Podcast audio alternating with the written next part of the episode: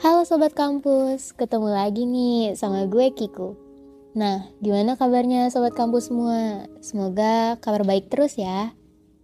Hari ini kalian udah merasa diberkahi belum? Atas kasih dan peduli dari orang-orang terdekat. Mau dari keluarga, temen, kekasih, atau orang-orang asing sekalipun. Rasanya kayak ngeruntuhin hati-hati yang dingin jadi hangat lagi. Kali ini gue mau sharing ke kalian tentang orang-orang terkasih. Apa sih maksudnya? So, mereka yang disebut orang-orang terkasih ini adalah orang-orang yang datang di hidup kita untuk memberikan banyak makna dan membentuk memori yang berharga untuk dikenang. Yang sebelum pada akhirnya mereka akan pergi pada jalan dan tujuan mereka masing-masing. So, stay tune ya. Waktu itu gue dan beberapa karyawan lagi pusing-pusingnya sama tugas kantor. Yang mana ngeharusin kita kena lemburan deh tuh. Ditambah bos yang pengennya kita tetap kerja di hari weekend. Jujur aja, agak kesel sih.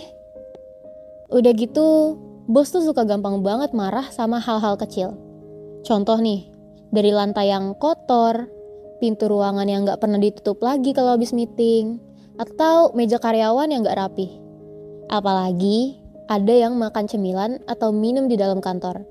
Tapi kayak random banget gitu. Nah, setelah gue udah beres lemburan, gue balik pulang jam 9 malam. Gue langsung mesen ojek online. Sambil nunggu deket gerbang kantor, gue lihat ada anak laki-laki kecil yang lagi duduk sendirian. Deket gerobak rongsokan gitu. Gue samperin tuh anaknya sambil nanya, Hai adik kecil, kamu lagi ngapain? Ternyata dia lagi nunggu ibunya yang lagi nyari gelas, botol, dan kardus-kardus yang udah gak kepake. Berhubung di sebelah kantor gue ada pedagang makanan kaki lima, gue beliin aja dua bungkus nasi dan dua bungkus teh anget. Tentunya anak kecil ini seneng banget, sampai berterima kasih gitu salim ke tangan gue. Buru-buru dia langsung ngebuka air tehnya gue sempat nanya, kenapa nggak sekalian makan aja?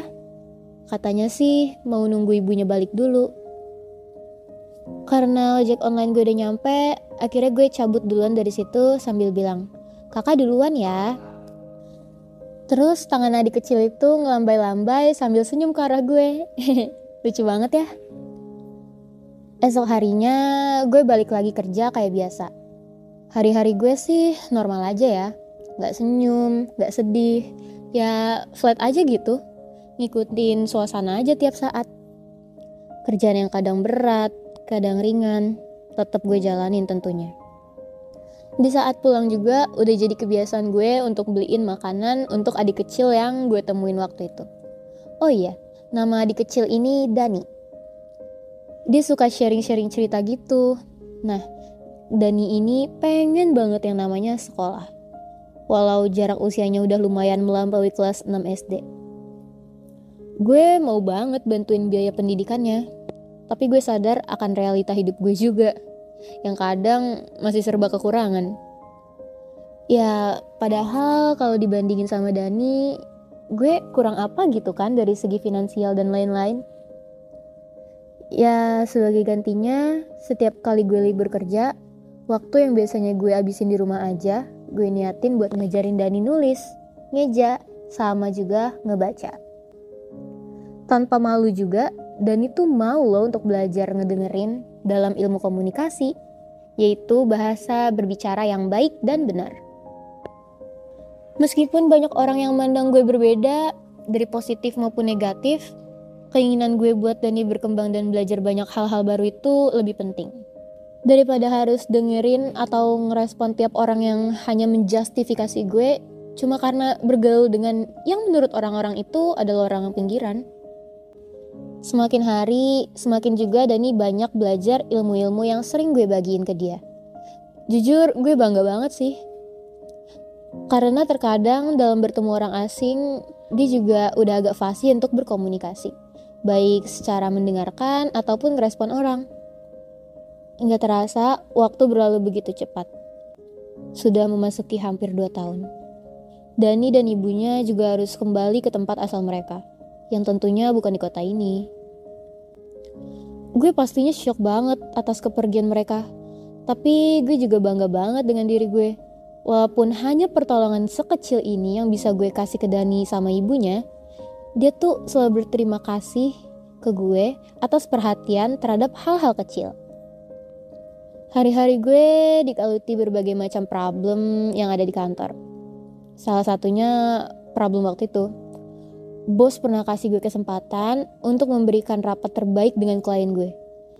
Yang di mana klien gue ini terlalu banyak permintaan-permintaan yang keluar dari jalur proyek gitu. Kayak hal kayak gini aja gue gak ngerti lagi. Bos marahnya kayak apaan tau? Karena dia pikir gue gak mampu ngambil hati klien.